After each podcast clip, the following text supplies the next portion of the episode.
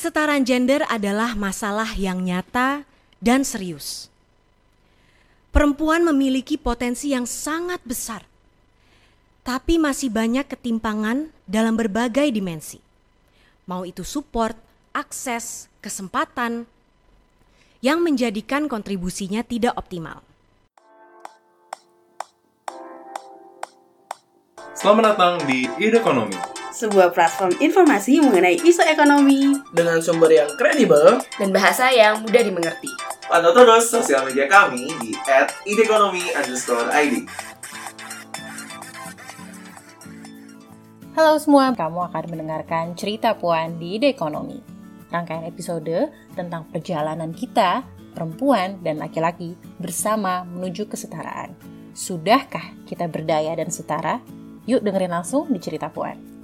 Halo ideal listeners, kembali lagi dalam cerita Puan episode 16 dengan tema Gender Mainstreaming Approach. Pada episode kali ini, perkenalkan saya Laras yang akan menjadi host pada episode kali ini. Nah, episode kali ini menarik karena dalam rangka memperingati International Women's Day, yaitu setiap tanggal 8 Maret memang diperingati sebagai International Women's Day atau dikenal dengan Women's March. Hari yang disepakati secara global untuk merayakan pencapaian sosial, ekonomi, budaya, dan politik perempuan.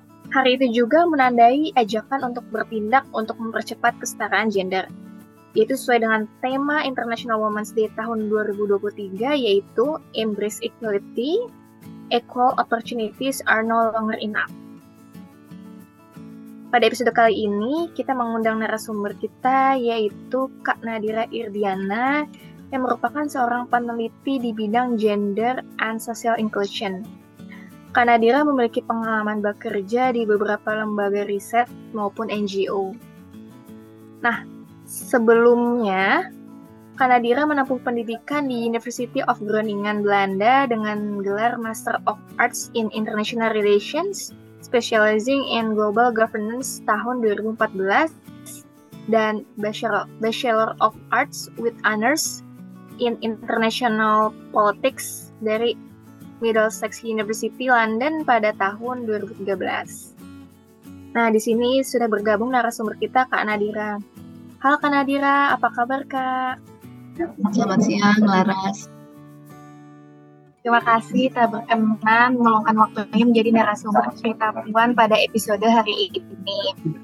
Nah, sebagaimana kita ketahui ya Kak, dalam beberapa tahun terakhir, konsep gender mainstream ini telah diterima secara luas oleh pemerintah, lembaga internasional, eh, dan lembaga-lembaga pembangunan di sebagian besar negara sebagai upaya untuk mencapai eh, gender equality. Namun, terdapat juga uh, prasyarat dalam pembangunan uh, sosial ekonomi masyarakat yang berkelanjutan.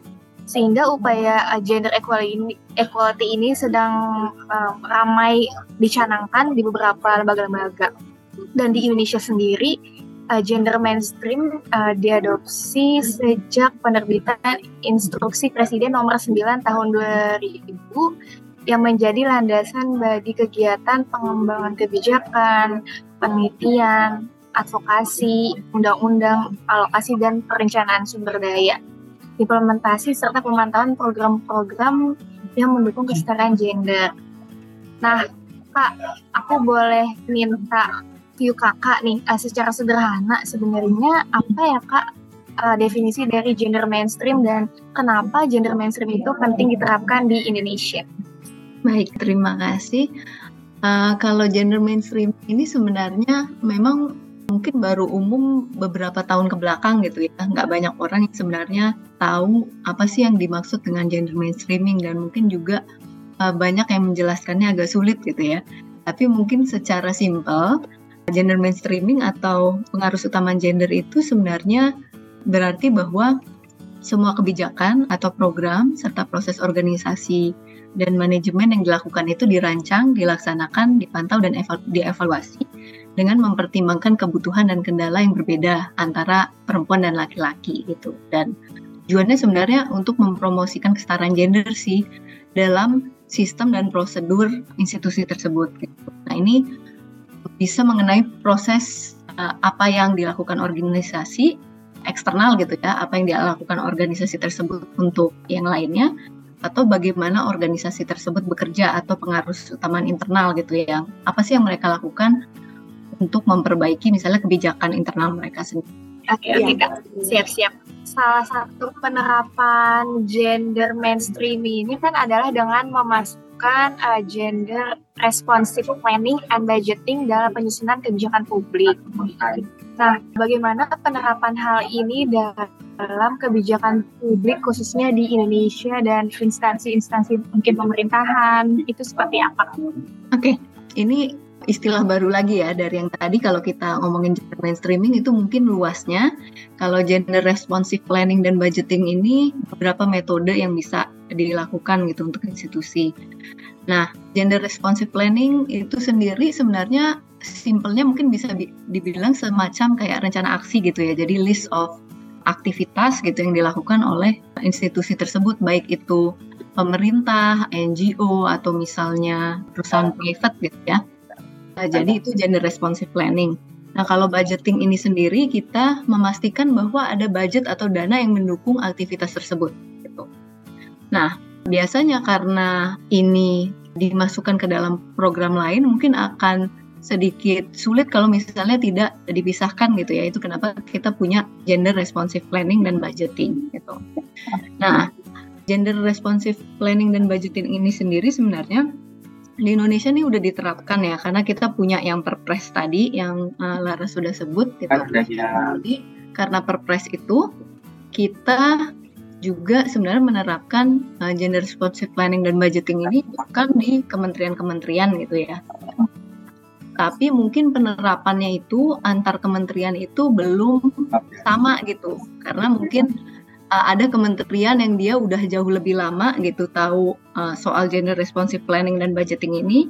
Misalnya kayak Kementerian Keuangan gitu ya, dia sebenarnya dilihat sebagai um, kementerian yang statusnya mentor gitu.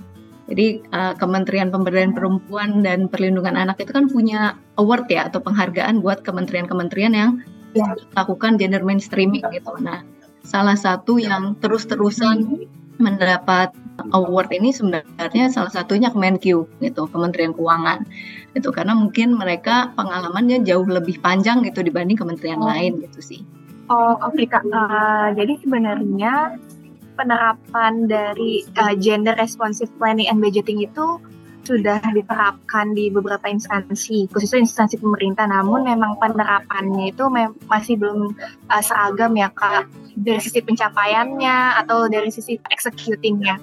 Nah, uh, menurut kakak sendiri perusahaan-perusahaan Indonesia ini sudah aware atau belum ya kak dari pelaksanaan uh, gender responsive uh, planning and budgeting ini?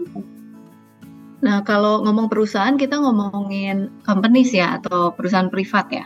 Nah, mm-hmm. kalau perusahaan privat ini sendiri sebenarnya juga mungkin cukup baru, tapi karena akhir-akhir ini ada nah, kewajiban ya untuk perusahaan-perusahaan itu untuk juga mengikuti yang namanya ESG gitu ya. Uh, eh, ESG ini adalah Environmental, Social, and Governance. Nah, di sini perusahaan-perusahaan ini tuh dituntut sebenarnya untuk menerapkan at least beberapa dari uh, sustainable development goals yang ada gitu atau tujuan pembangunan berkelanjutan yang ada dan diterapkan di tingkat global gitu ya. Nah, ini artinya mereka harus memilih nih tujuan mana yang mereka mau laporkan gitu ya sebagai perusahaan. Itu bisa yang berhubungan dengan lingkungan, sosial atau governance. Nah, kalau gender ini sendiri karena dia sifatnya adalah uh, cross cutting atau dia itu relevan di semua isu gitu. dia itu biasanya harus diterapkan di semua perusahaan sih gitu. Jadi walaupun dia ngurusin lingkungan dia tetap harus uh, mempertimbangkan gendernya.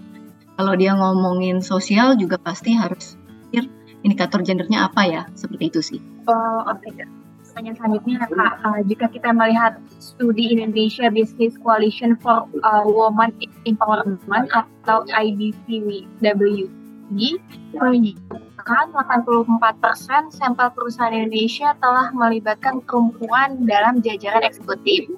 Namun, baru 38% perusahaan yang menerapkan kebijakan yang mendorong kesetaraan gender. Angka ini sungguh agak sedikit timpang ya, Kak. Hmm. Nah, uh, pertanyaan aku ke Kakak, implementasi kebijakan publik berbasis gender mainstreaming ini tentu membutuhkan kolaborasi di berbagai pihak. Apa saja kira-kira tantangan dari penerapan gender mainstreaming ini di Indonesia? Ya, kalau ngelihat angka tadi ya, yang studi IBCWE itu, yang soal uh, 84% perusahaan di Indonesia telah melibatkan perempuan selama baru 38 persen ya yang menerapkan kebijakan yang mendorong kesetaraan gender ini, itu sebenarnya bisa dilihat sih bahwa mungkin untuk soal kesetaraan kesempatan itu memang jauh lebih mudah ya untuk dilakukan. Jadi misalnya kita memberikan kesempatan untuk perempuan untuk uh, melamar pekerjaan gitu ya. Misalnya melamar pekerjaan itu kan biasanya kalau kita ngelihat lowongan tuh sekarang sering banget ada tulisan women are encouraged to apply gitu ya. Yeah. Jadi women itu di apa perempuan itu Agak diharapkan diprioritaskan ya, Kak. Nah, diharapkan untuk melamar gitu pekerjaan itu sehingga itu juga akan uh, memperbaiki uh, angka perempuan yang ada di perusahaan tersebut gitu kan. Tapi kan itu sesuatu yang relatifly mudah gitu ya. Jadi kita Iya. uh, bisa melihat nih, uh, oh udah ditambah nih ada perempuannya masuk gitu ke dalam perusahaan ini. Oh ada perempuan udah bisa kasih kesempatan jadi director gitu. Tapi alangkah baiknya kalau itu tidak hanya sifatnya uh, memenuhi kuota saja atau ticking the box gitu ya. Tapi juga perusahaannya ini juga memberikan dukungan yang diperlukan nih untuk perempuan ini bisa unggul di dalam pekerjaan itu sehingga pekerjaan itu akan jauh lebih berkelanjutan juga untuk perempuan ini gitu. Jadi nggak misalnya di tengah-tengah, misalnya dia jadi uh, direktur, terus dia akhirnya mengundurkan diri misalnya karena kebijakan childcare-nya kurang misalnya tidak mumpuni gitu untuk untuk perempuan ini gitu. Jadi emang harus mikirin dua hal sih gitu, bukan cuma menambah angkanya saja gitu, tapi sebenarnya dukungan apa sih yang perlu diberikan sama perusahaan, masuk dalam sisi yang top down mungkin ya kayak kebijakan. Gitu.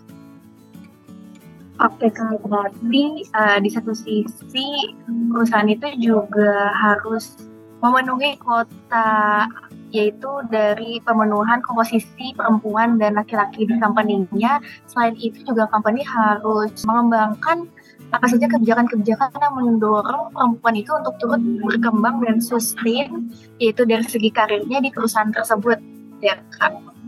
Nah uh, kira-kira apa saja ya kak dukungan mungkin dalam bentuk training atau fasilitas yang diberikan kepada perempuan itu sendiri untuk mendukung karirnya supaya sustain di sebuah uh, tempat kerjaan. Hmm. Uh, sebenarnya ada banyak ya, uh, karena kan permasalahan perempuan itu pada saat dia uh, bekerja itu mungkin uh, bermacam-macam ya. Gitu. Jadi biasanya best practice-nya adalah kita melakukan survei sih. Gitu. Jadi kita survei perempuannya sendiri yang ada di perusahaan itu mereka butuhnya apa gitu.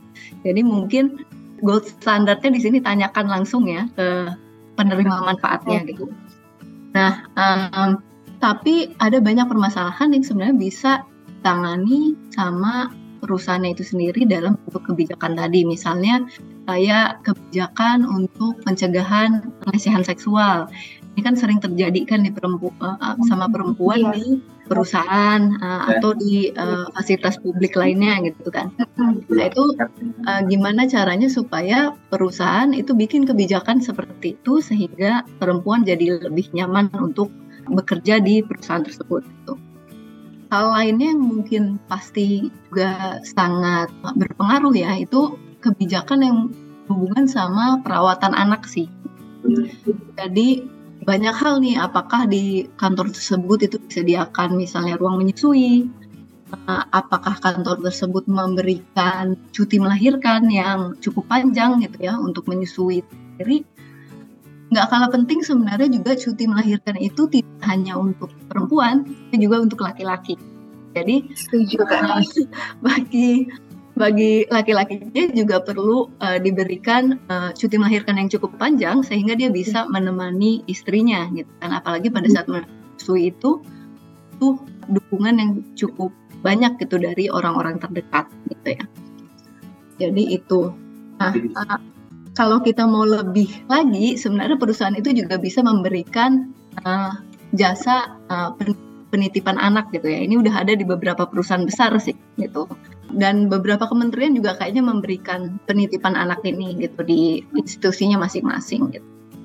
Jadi di situ udah ada uh, beberapa apa ya best practice dari beberapa kementerian juga uh, perusahaan besar ini gitu. Tapi bagaimana supaya perusahaan lain nih juga punya resource yang sama gitu karena mungkin kan untuk bikin penitipan anak itu sendiri butuh dana ya gitu. jadi itu sih Kak, follow up question dari aku nih, uh, jika dilihat memang dari praktiknya itu sendiri bervariatif ya masing-masing company dengan judgement masing-masing. Nah, uh, bagaimana sih Kak caranya untuk uh, membuat kesetaraan fasilitas antar uh, pemberi kerja antar perusahaan? Jadi memang wanita berkarir di tempat kerja mana pun mendapatkan fasilitas yang sama dari segi training ataupun fasilitas-fasilitas yang lain, uh, mendukung lainnya dalam wanita sebagai wanita yang mendorong karirnya tapi juga wanita yang pikir juga terhadap keluarganya gitu kan. Hmm.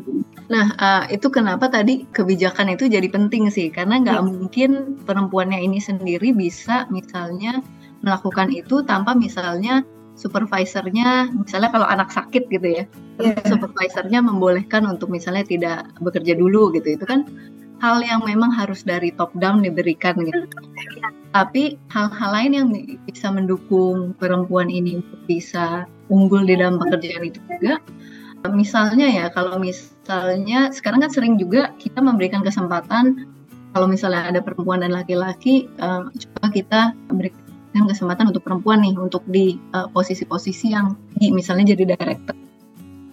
Nah, tapi untuk jadi director ini sendiri kan itu sebenarnya butuh pelatihan-pelatihan ya. Misalnya pelatihan kepemimpinan gitu-gitu. Dan sering kali kan memang di uh, pada saat kita sekolah kita juga tidak diajarkan itu gitu dan apalagi untuk perempuan yang tidak diharapkan untuk menjadi pemimpin gitu pada saat dia iya. kecil hal itu tuh jadi sesuatu yang dibutuhkan gitu pelatihan-pelatihan tersebut. Nah, terutama pelatihan kepemimpinan ini sih gitu. Jadi gimana kita bisa mengkomunikasikan kebutuhan kita di uh, perusahaan itu secara asertif gitu ya, bukan agresif juga tapi uh, asertif gitu sehingga kita bisa didengar sebagai pemimpin itu kan juga butuh dukungan gitu. Nah, mungkin itu sih jadi selain tadi kebijakan-kebijakan dari perusahaan juga mungkin pelatihan-pelatihan langsung kepada uh, perempuannya gitu itu bisa diberikan. Oh, oke kak. Nah menarik nih kak. Tadi kan sempat disinggung antara kebijakan top top down. Nah, uh, studi menunjukkan kalau di India itu penerapan microfinance dianggap lebih sukses mendorong kemandirian ekonomi perempuan. Nah, apakah hal ini berarti bottom up lebih efektif dibandingkan dengan kebijakan top down dalam upaya pemberdayaan perempuan di negara berkembang. Hmm. Nah, itu kira-kira uh, gimana Kak penerapannya? Kalau ngelihat ya soal microfinance ini memang uh, dampaknya tuh cukup besar ya untuk hal yang kita bilang kecil gitu, mikro gitu, tapi ternyata dampaknya cukup besar. Jadi kalau kita lihat studi ILO itu memperlihatkan bahwa kredit mikro ini sebenarnya memainkan peran penting ya dalam memberdayakan perempuan dan juga sebenarnya membantu memberikan uh, rasa hormat, uh, kemandirian dan partisipasi yang mungkin baru ditemukan perempuan di komunitas atau di rumah tangga mereka gitu. Jadi itu sesuatu yang sangat baik gitu. Dan uh, saya kurang tahu ya data terakhir, tapi terakhir yang saya tahu di 2006 gitu, layanan keuangan mikro ini sendiri ini sudah menjangkau lebih dari uh, 29 juta perempuan termiskin di gitu. Jadi sebenarnya memang luas sekali gitu jangkauannya gitu ya. Tetapi mungkin kita juga perlu lihat bahwa sebenarnya mungkin juga tidak bisa berdiri sendiri gitu. Jadi tetap perlu ada uh, pendekatan top down gitu. Kalau ingin hal-hal ini berkelanjutan gitu.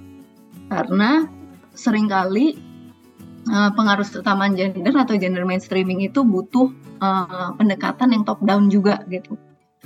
Nah, jadi kalau kita melihat kalau di NGO kita tuh sering pakai model sosial ekologis gitu ya. Nah, kalau sosial ekologis ini pendekatannya itu kita harus memberikan intervensi bersamaan di berbagai tingkat gitu. Jadi di tingkat individu, di tingkat komunitas sampai di yang paling tinggi itu di tingkat masyarakat atau institusinya gitu. Jadi kalau melihat itu sebenarnya semua ini tuh harus berjalan beriringan gitu.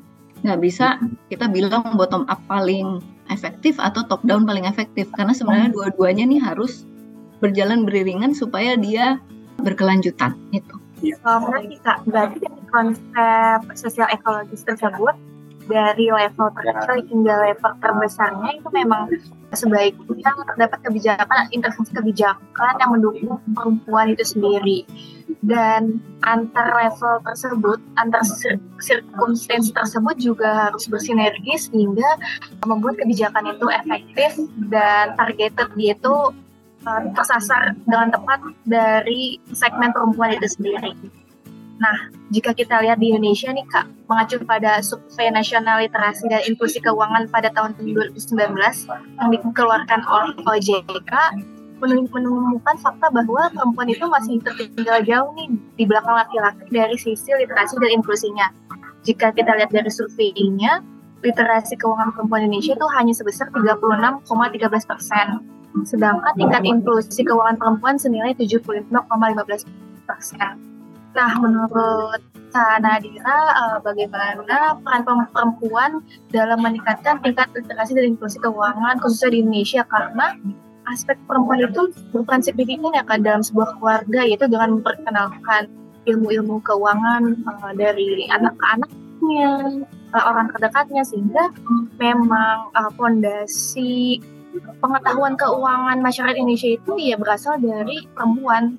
Kira-kira menurut Kanadila bagaimana meningkatkan literasi keuangan perempuan dan apakah penerapan uh, program-program pemerintah yaitu dengan pemberdayaan adanya pengembangan dari kegiatan UMI atau mikro kegiatan microfinance lainnya di Indonesia itu sudah berjalan dengan efektif di Indonesia? Gitu. Kalau literasi uh, keuangan ini memang jadi halangan dan jadi masalah sebenarnya bukan cuma untuk perempuan aja ya, tapi juga kayaknya seluruh masyarakat Indonesia karena kita sering juga ngelihat uh, banyak yang tertipu gitu ya. Iya, uh, iya. pinjaman dan lain-lain gitu. Jadi memang kalau literasi keuangan ini memang uh, banyak sekali institusi yang sedang uh, menggalakkan ya supaya uh, lebih banyak masyarakat Indonesia yang aware gitu. Nah, tapi kalau untuk perempuan sendiri memang kita sering kali melihat kalau misalnya di desa gitu ya berbagai daerah di Indonesia itu perempuan tuh masih jarang yang punya tabungan sendiri. Jadi biasanya tuh pakainya tuh tetap uh, pakai tabungan suami gitu ya. Sehingga jadinya memang tidak punya pengalaman untuk misalnya membuka uh, rekening lain-lain itu. Nah, itu kenapa butuh intervensi sendiri untuk memastikan perempuannya bisa mengakses institusi bank-bank itu supaya mereka bisa membuka tabungan misalnya gitu ya. Itu kan suatu hal yang sebenarnya umum gitu, tapi ternyata tidak semua bisa mengakses gitu. Tidak semua tahu persyaratannya gitu untuk bisa membuka yeah. rekening seperti apa gitu. Jadi ada banyak hal sih memang yang memang uh, kayaknya perempuan nih belum terutama di uh, pedesaan gitu ya. Belum tahu bagaimana cara mengakses apalagi mungkin di desa-desa juga bahkan bank aja nggak ada gitu. Jadi untuk ke bank apa jaraknya cukup panjang gitu. Ke situ uh, nah selanjutnya menarik juga nih kak. Jadi aku pernah baca buku judulnya Career and Family uh, karangan Claudia Goldin. Nah di dalam buku itu dijelaskan bahwa uh, studi di US dengan time frame berbeda dari tahun 1900 sampai 1960 menunjukkan preferensi wanita antara wanita yang bekerja atau pursuing her career dengan wanita yang memprioritaskan keluarganya. Nah, di sini sebenarnya uh, terbagi dari tiga empat klasifikasi uh, tahun periode wanita itu lahir. Nah, di sini aku uh, penasaran nih, apakah dengan adanya faktor eksternal seperti struktur ekonomi atau economic structural break itu mempengaruhi prioritas wanita yaitu pursuing her career atau sebagai ibu yang memprioritaskan anaknya di rumah atau malah menyeimbangkan uh, karirnya dengan perannya di rumah? Ya. gitu kan misalnya tahun 96 kita ada krisis itu mempengaruhi peran wanita, wanita yang lebih memilih pursuing her career first atau keluarganya atau malah memang dengan wanita di kelahiran tahun-tahun krisis tersebut lebih tough sehingga mereka menyeimbangkan antara keluarga dan karirnya mereka. Ini dalam situasi krisis ya? Iya dalam situasi economic structural break kayak dalam situasi hmm. krisis atau ketika ekonomi lagi booming gitu kan. Hmm. Kalau dalam situasi-situasi krisis gitu ya, mungkin sih memang akan ada peningkatan terhadap demand ya hmm. perempuan untuk masuk ke pekerjaan gitu. Tapi itu bukan berarti juga sebenarnya ada keinginan sendiri gitu untuk misalnya fokus ke dalam uh, pekerjaan tersebut, tapi lebih kayak ada kebutuhan sih, ada kebutuhan untuk mencari uang ya. Jadi mereka mungkin lebih pursuing pekerjaan gitu. Tapi bukan berarti sebenarnya mereka pengen misalnya fokus 100% di pekerjaan gitu. Kalau aku lihatnya sih. Tapi itu cuma karena ada di waktu tertentu di mana uh, hal itu lebih dibutuhkan aja gitu. Nah tapi karena aku belum baca bukunya nih, jadi aku kurang tahu juga ya detailnya gimana gitu. Nah tapi kalau soal keinginan perempuannya sendiri ini kayaknya bisa dilihat masing-masing sih sama perempuannya gitu. Apakah sebenarnya dia lebih fokus ke pekerjaan uh, atau ke family? Ada juga kan yang memilih untuk saya fokus aja 100% jadi ibu rumah tangga itu bisa juga dan nggak salah gitu. Ada juga yang pengen kalau bisa saya bisa membalance nih antara keduanya. Jadi misalnya milih pekerjaan yang bisa membuat dia bisa juga uh, merawat anaknya. Berarti memang baik lagi ke preferensi dari peran perempuan itu sendiri dan ya, memang uh, secara uh, structural ekonomi itu ketika ada uh, situasi yang occasional kayak krisis atau economic boom ya memang itu adalah preferensi dari perempuan untuk meningkatkan taraf perekonomian keluarganya atau hmm. bahkan menyeimbangkan perannya hmm. antara profesional dan sebagai ibu di rumah gitu ya. Oke kak. Nah selanjutnya nih kak uh, berkaca pada tema International Women's Day tahun 2022 yaitu embrace embrace equity, equal opportunity are no longer enough bagaimana peran gender mainstream dalam mewujudkan peluang yang adil. Hmm.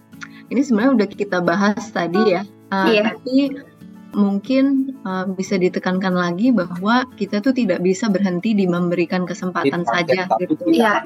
Tapi juga memikirkan bagaimana pengaruh utamaan gender ini bisa lebih berkelanjutan gitu. Contohnya kalau dalam perusahaan perempuan dijadikan pemimpin gitu, itu tidak hanya untuk memenuhi kuota perusahaan dan tick the boxes gitu, tetapi harus juga didukung lebih lanjut gitu. Apakah perempuan tersebut akan terus berada di bagaimana caranya supaya perempuan tersebut akan terus berada di posisi tersebut gitu. Bagaimana kalau kebijakan uh, childcare-nya misalnya tidak mendukung baginya untuk uh, membagi waktu antara pekerjaannya dan mengurus anak. Nah, ini kan pastinya akan menjadi uh, isu gitu. Jadi bagaimana kita tidak hanya dibukakan peluang untuk menjadi karyawan dan menjadi pemimpin tadi, misalnya jadi direktur, tetapi juga diberikan peluang yang adil tadi gitu. Jadi artinya juga memberikan yang perempuan tersebut butuhkan untuk bisa full dalam pekerjaan. Nah, menarik nih Kak dari sisi leadership ini. Uh, menurut kakak, apa sih kak tantangan perempuan yang ada di level uh, manajemen? Hmm. itu sendiri sebagai uh, seorang leader gitu di company. Hmm. Ya banyak sih tantangannya itu ya. Salah satunya mungkin tadi itu uh, soal komunikasi. Uh, juga uh, pada saat kita ada di dalam posisi kepemimpinan itu kan cara komunikasi kita juga biasanya berbeda gitu ya. Dan itu spesifik dan kadang-kadang itu perlu dilatihkan gitu ya. Jadi bagaimana komunikasi yang asertif segala macam itu biasanya juga tidak dilatih nih dari sekolah gitu sehingga itu perlu dilakukan gitu. Nah, tapi yang paling mendasar sebenarnya juga si orang itu sendiri, jadi norma sosial. Gitu. Nah, jadi sering kali nih perempuan gitu dalam posisi pemimpin tadi itu langsung dilabeli uh, aneh-aneh gitu ya. Kalau misalnya asertif sedikit sudah mulai menunjukkan bahwa dia adalah pemimpin atau gimana gitu, itu langsung dianggap bosi kayak gitu. Nah itu kadang-kadang hal itu tidak akan keluar kalau misalnya pemimpin itu laki-laki gitu. Jadi walaupun caranya sama, pada saat dihadapkan perempuan itu uh, orang lebih cenderung untuk memberikan label-label tersebut. Cara mengikis judgment tersebut gitu. Jadi hmm. semua orang berpandangan secara setara gitu baik pemimpin perempuan dan laki-laki. Hmm. Kadang-kadang untuk merubah cara pandang tersebut itu memang butuh pengembangan kapasitas ya dalam bentuk mungkin pelatihan dan lain-lain atau misalnya uh, kampanye untuk memberikan kesadaran soal persepsi mereka yang sebenarnya mungkin ada sesuatu yang uh, sebenarnya bias gitu ya. Iya. Nah itu tidak mungkin sadar sendiri kecuali mereka mengikuti misalnya pelatihan gender atau misalnya mereka mendengar kampanye soal hal ini gitu. Kayaknya terakhir kali itu ada perusahaan perusahaan sampo deh itu bikin iklan uh, yang sebenarnya mengadres hal itu gitu. Jadi kalau misalnya ada laki-laki yang melihat itu mungkin mereka mulai mulai sadar oh iya dulu saya pernah memang beranggapan seperti itu hanya karena orang ini perempuan gitu. Nah itu mulai membuka tuh ruang-ruang diskusi sih dengan laki-laki. Oh baik, yang benar dari sisi awarenessnya itu sendiri ya kak. Jadi misalnya dengan perusahaan mengundang beberapa narasumber atau expert yang di bidang uh, gender equality sehingga dapat membuka uh, pandangan atau persepsi baru terhadap uh, gender equality ini sehingga perempuan juga dapat sustain atau stabil di perusahaan. Ya. Nah, Kak, ada pertanyaan nih dari ide listener. Hmm. Apakah komposisi perempuan di jajaran eksekutif perusahaan bisa menambah daya tawar dalam pengambilan kebijakan perusahaan yang ramah keluarga? Seperti misalnya uh, soal family leave. Iya, ini kenapa kesetaraan kesempatan tadi sama yang sering kita sebut dengan equity di mana kita hmm. memberikan kebutuhan-kebutuhan tadi ya misalnya pelatihan dan lain-lain itu perlu sejalan gitu. Karena sebenarnya menambah jumlah perempuan ini juga ada kemungkinan memang bisa menambah daya tawar tadi untuk pengambilan kebijakan. Hmm. Karena kita sering mungkin mendengar ada strength in numbers ya. Jadi ada kekuatan di dalam yeah. angka gitu. Jadi kalau misalnya semakin banyak perempuan ada di dalam perusahaan itu tentunya demand-nya akan semakin banyak. Itu untuk ada kebijakan perusahaan yang ramah keluarga gitu. Kalau itu tidak terjadi, tentunya walaupun ada pelatihan segala macam tapi misalnya uh, yang ada itu tetap uh, kebanyakan karyawan tentunya jadi susah juga gitu jadi harus beriringan nih karena tadi uh, penambahan komposisi perempuan di jajaran eksekutif itu dengan uh, awareness pelatihan dan lain-lain gitu. Oke, jadi juga uh, penasaran nih kan kalau pimpinan atau uh, perempuan sebagai leader di sebuah company uh, juga memiliki andil sebagai ibu di rumah. Jadi menurut kakak uh, gimana sih kak cara perempuan sebagai seorang leader untuk sustain dengan menyeimbangkan perannya sebagai sosok ibu? Ini pertanyaan menarik ya dan mungkin memang akan menjadi challenge untuk banyak perempuan gitu. Uh, apalagi lagi dalam posisi yang tinggi itu biasanya demand pekerjaan itu juga sangat tinggi. Jadi gimana cara menyeimbangkannya yaitu uh, memang perlu perencanaan yang baik sih. Jadi dari sisi pekerjaan kita di perusahaan itu mungkin kita bisa memberikan perencanaan yang lebih baik. Misalnya uh, seminggu ke depan ini kita mau ngapain sih gitu. Nah sehingga kita bisa mengatur nih di waktu-waktu mana saja kita bisa lebih fokus kepada uh, anak kita gitu misalnya setelah jam uh, eh, 5 misalnya selesai dari uh, pekerjaan, dia bisa fokus 100% ke anak gitu. Nah, tapi ini biasanya juga butuh uh, memang kesadaran juga dari orang-orang di sekitar perempuan ini gitu. Entah itu yeah. supervisornya dan lain-lain. Uh, jadi mengutip dari pandangan kakak itu sendiri, jadi uh, jika kita lihat dari sisi perempuannya itu diperlukan adanya awareness dari lingkungan sekitarnya yaitu dari timnya itu sendiri tim di pekerjaannya atau mungkin di rumah ya kak. Uh, sistem kita di rumah itu suami atau keluarga yang membuat kita itu uh, ngerasa terdorong atau tersupport untuk berkembang sehingga kita dapat menyimbangkan diri kita uh, sebagai perempuan di dunia profesional dan sebagai ibu di rumah.